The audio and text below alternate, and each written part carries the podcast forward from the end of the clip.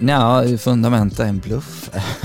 Nej, men jag kommer dö på den kullen. Det finns flera olika vägar att ta i processen för att analysera aktier. Vi på Stockholm är generellt vana vid att ta en mer teknisk approach men tycker ändå att den fundamentala biten är intressant att ha kunskap kring. Därför kommer vi i detta avsnitt av The Compounding Lounge dyka ner i allt ifrån vad fundamental analys är och viktiga nyckeltal till hur vi själva tänker och eventuellt använder oss av detta. Hoppas ni tycker det här är lika intressant som vi.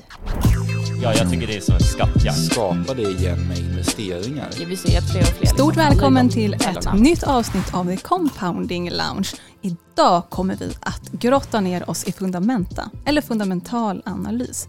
Och vi som sitter här i studion idag och ska göra det är Levi, VD för Stockholm och medgrundare, Christian, framgångsrik trader och också medgrundare för Stockholm och jag själv, trader, ganska framgångsrik och eh, sitter i Stockholms styrelse.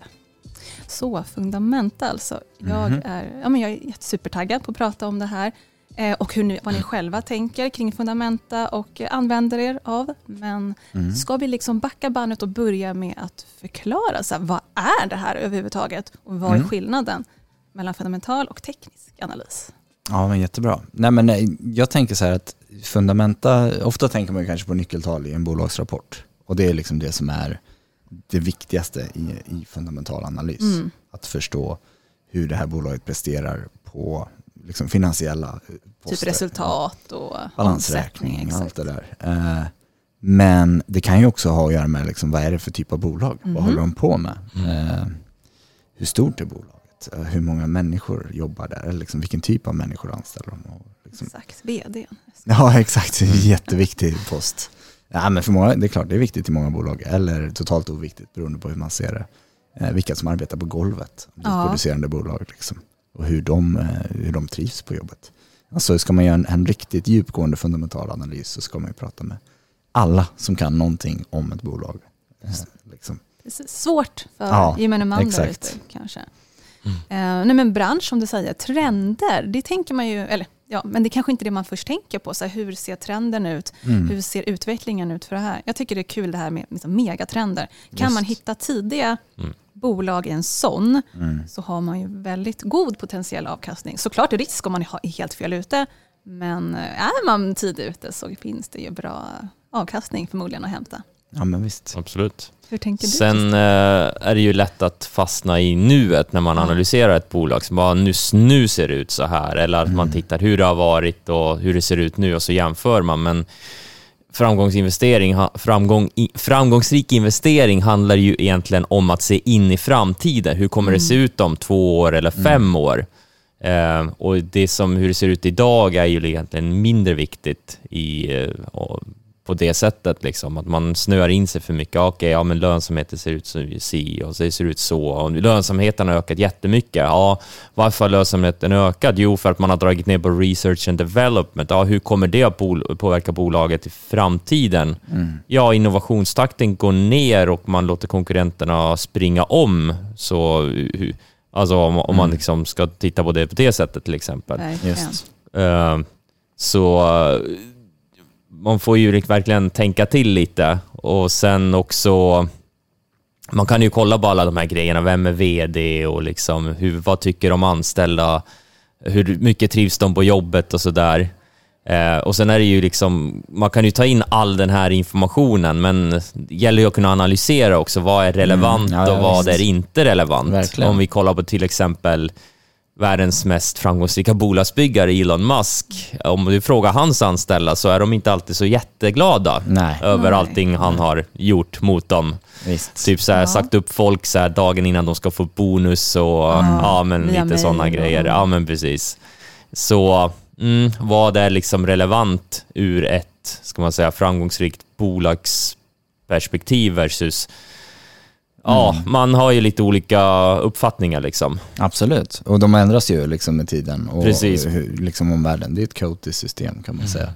Jag tänker på att eh, alltså Elon Musk tar det som exempel och hur han behandlar sina anställda. Men i Sverige hade vissa saker, av de sakerna som han gjort inte flygit för att det finns liksom lagliga barriärer. Eh, Så kollar man på svenska marknaden kanske man inte kan titta efter en Elon Musk och hoppas på samma typ av liksom avkastning i bolaget Mm. Till exempel. Jag är lite nyfiken, för du Christian, du tradar ju. Kollar du någonting, jag vet att du kollar lite på fundamenta, vill du berätta lite mer om det? För du kombinerar väl både teknisk och fundamental analys? Ja, det gör jag ju. Det, om, jag har ju en tidshorisont som är kanske några månader, liksom. Nå, månad eller kvartal. Eh, I alla fall, jag försöker ha det. Sen är inte alltid marknaden eh, håller med mig, Nej. liksom stoppar ut mig och sådär. Men eh, jag försöker ju hitta momentum. Aktier som har både fundamental momentum och eh, teknisk momentum. Just det. Och den fundamentala momentumet kan ju vara lite olika. Det kan ju vara ren hype. Mm. Det pågår inte så mycket i bolaget. Det finns ett eh, bolag i år som, är, som har tickersymbolen AI. Som har, Ah. gick upp jättemycket, även om de gick så här 400 eller 500 procent. Men de, har, de håller inte ens på med AI. Så bara för att AI... Precis, bara för att folk ser den här aktien. AI, ja AI är hett, det pratas om eh, hela tiden i media, alla pratar om det. Då investerar i det här och då gick aktien upp jättemycket. Så roligt. Men de har liksom ingen försäljningstillväxt. Det är ett väldigt mediokert techbolag. Men Mm. eh, vdn har också hypat upp det väldigt mycket. Vi håller på med AI, men ni har ingen försäljningstillväxt.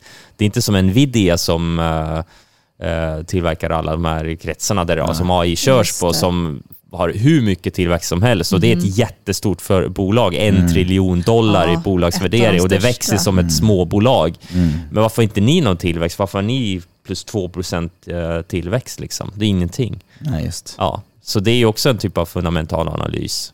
Men jag bryr mig inte att, att eh, det bara är hype. Nej. Det, spe- det spelar ingen roll, för hypeaktier är ju de aktierna som kan gå upp mest på kort tid. Jag har ju uttryckt mig så i något sammanhang att liksom fundamental analys av den anledningen är ju en form av en bluff. För att du kan titta hur mycket du vill på fundamenta, men det kommer vara andra faktorer som, som får aktier att röra på sig ändå i det korta perspektivet.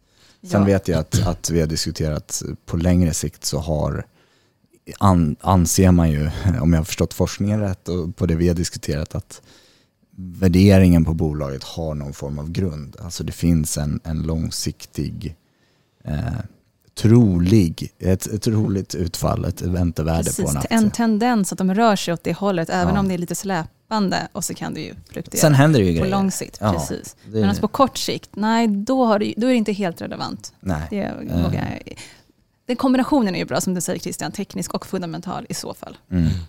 Och jag tänker det att, att liksom, som du sa, att ja, men, hypen kan ju vara liksom det som är viktigast. Och egentligen tänker jag att det är det som alltid är viktigast om man tar en trade på, på kort sikt. Liksom. Eh, Har du några fler exempel på eh, momentum, nyc- eller vad ska man säga, fundamental, fundamenta? Eh, typ, kollar du på vinst, alltså sån vinst Jag vill se Tillväxt. mm. i... eh, Försäljningstillväxt först och främst, omsättningstillväxt och gärna vinst också, men eh, det behöver inte finnas någon vinst. Nej. Tvärtom så är det faktiskt ofta bra om inte företaget har varken vinst eller omsättning, för då går det inte att värdera det. Nej. Det är så här, Ah. vad är det här bolaget värt som inte har någon omsättning? Eller vad är det här bolaget som har hög omsättningstillväxt men ingen vinst? Liksom? Hur ska man värdera? Mm, det är ja, lättare att värdera bolag som har vinst. Liksom. Ja, men då Såklart. sätter vi P 20 på det så är det klart. Precis, så går det att jämföra med andra bolag. Ja, precis. Ah. Så det är ju lite sån här mental grej också. Vi har ju sett galna grejer, speciellt 2020 och 2021. Åh, herregud. Är Helt galna grejer. Ehm, och ett bra exempel är ju i år, Carvana är en aktie som gick ner typ 90% för förra året och sen ytterligare 90% förra året och i år har den gått upp typ så här 2000%. Mm. Kjell. För att alla är helt övertygade om att de skulle gå i konkurs. Mm. Eh, De har jättemycket lån eh, och eh, räntorna har gått upp och lånen är dyra och deras bransch, an, andrahandsmarknad för bilar går jättetrögt och man läser typ så här artiklar, analytiker, rapporter. Alla tror att ah, det ska gå i sociala medier. Alla tror att det ska gå i konkurs. Alla är helt övertygade om det. Ändå så har aktien gått upp så här, jag tror 2 eller 3 tusen procent bara i år. Mm. Så ja, Wow. Typ som GameStop för ett par år sedan. Liksom. Det, det kan drivas upp av eh, andra faktorer än liksom. Är det vad som står i hype då? Precis, eller har det faktiskt skett något? Kan man ju undra. Ja, det var ju en högt blankad aktie. Eh, och liksom, så länge de inte faktiskt går i konkurs så finns det ju hopp. Mm. Så kommer det ju, ja, Är det någon form av blankarna short squeeze, liksom, eh, ja, lite short squeeze och också momentumköpare och folk som kanske bettar på en turnaround. Exakt. Ska man eh, liksom bara lägga in ett, ett, eh, en notis här om att hopp är inte en strategi också, bara så man inte glömmer bort det. Att Ja. Det är en sak att köpa förhoppningsbolag för att man har en tes, Mm. eh, men inte för att man hoppas att det ska hända någonting. Nej, Inte precis, då ska gambla, man ha en liksom. strategi bakom det såklart. Jag har haft en period där jag har köpt förhoppningsbolag, men det var så stressigt så jag kände att det var inte för mig. Nej, nej. Eh, Men lite olika nyckeltal som Mm. är rimliga att kolla på. Vi har pratat lite nu om liksom, eh, ja, men vinst och vinsttillväxt, men det Mm. finns ju en radda där ute. Du pratade alla. om försäl- eh, säljnings, säljtillväxt eller försäljningstillväxt. Jag tänker på sales och sales to book och sales to book to price eller book to price. Alltså det finns en, en hel del hybrider. Ja, book tycker jag är en helt uh, irrelevant metric, speciellt idag. Ja. Det är, när så mycket är IP liksom och väldigt, ja, nej men book, book value används idag inte så jättemycket. Men price to sales är en väldigt relevant generellt. Just. Price to earnings, Kanske. ja, för de som har någon earnings, men såklart. det är, alltså det är lättast att sälja, sätta saker och ting, eh, liksom just omsättning liksom. Mm. För earnings och sånt, det kan ju vara väldigt stor del av försäljningen, men det kan också vara en extremt liten del av försäljningen. Så att, eh, Mm. Då blir det helt lite missvisande siffror kanske då. precis. Och ju längre man går ner i income statement, desto Ja. mer kan man manipulera saker och Exakt. ting också. Kreativ ändra och liksom, precis kreativ bokföring. Så, Ett exempel på svenska börsen är ju eh, SBB som, eh, vad heter det, Samhällsbyggnadsbolaget. Ja, eh, ja. Som var superhypat under förra året. Eh, Total slakt. Ja, total slakt i år. Och de var liksom, ja men de ger alltid bra utdelningar, de har stor utdelning. Ända in liksom sent i år så sa vdn där att ja men vi kommer fortsätta med våra utdelningar trots att aktien dök 80%. mm, Och liksom, ja det kanske hade gått i teorin men mm, liksom, Mm. i praktiken finns det inget värde kvar. Nej. Liksom. ja. Eh, Så ja, av den anledningen kan ju earnings ver- verkligen vara mi- missvisande. Och strategin att köpa liksom utdelande bolag, ja, i Sverige har det väl funkat ganska bra historiskt men det, är liksom, det säger egentligen ingenting om businessen. Nej. Nej, precis. För det är ju, många kollar ju på utdelning, Mm. liksom, eller direktavkastningen, Mm. och vill köpa det just för sin sedelpress, så kallade sedelpress. Och det är också en strategi, men det säger som sagt inte så mycket om bolaget eh, Nej. bakom. Utan det är ju Sen mer... är det egentligen en ganska ineffektiv strategi av skattemässiga skäl. För Mm. att man måste betala skatt på de där utdelningarna. Då är det ju bättre att köpa bolag som behåller de här pengarna och antingen köper tillbaka sina egna andelar eller investerar i sin egen verksamhet eller betalar av sin skuld eller vad det kan vara. Få det i form av avkastning. Så jag tycker det är en eh, suboptimal strategi och det finns också forskning som visar på att utdelningsportföljer inte slår börsen Mm. generellt. För det är också för att det är mogna bolag som inte växer längre. De har Visst. inget att göra med pengarna som, ja men vi ger det till aktieägarna. Mm.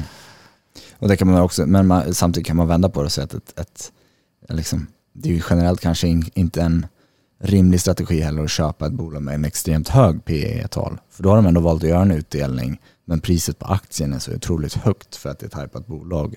Att för att tänka det ur ett fundamentalt perspektiv att du ska få tillbaka ditt värde så måste aktiepriset växa ännu mer för att liksom motivera det här PE-talet. Precis. Alternativt utdelningen öka då markant. Precis, att värderingen är väldigt hög. Och det får man ju jämföra liksom med branschkollegorna då.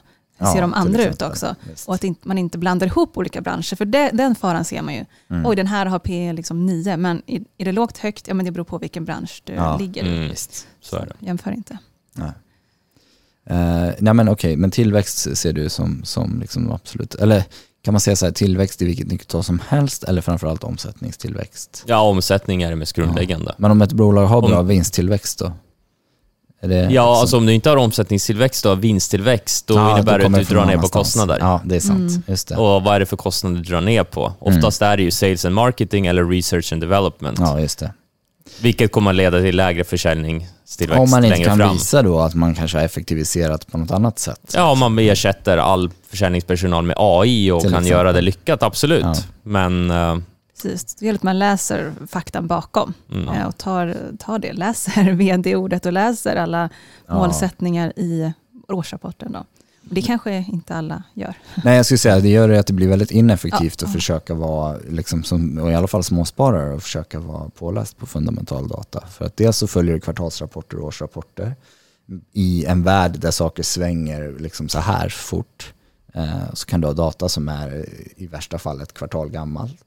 Eh, och du ska göra det i konkurrens med alla andra som gör samma sak och ha en tydligare bild av det än, än alla andra. Mm. Så ja, det är inte, det är inte det är därför jag brukar säga att det är liksom en bluff. Eller liksom att, att försöka ge dig på det här.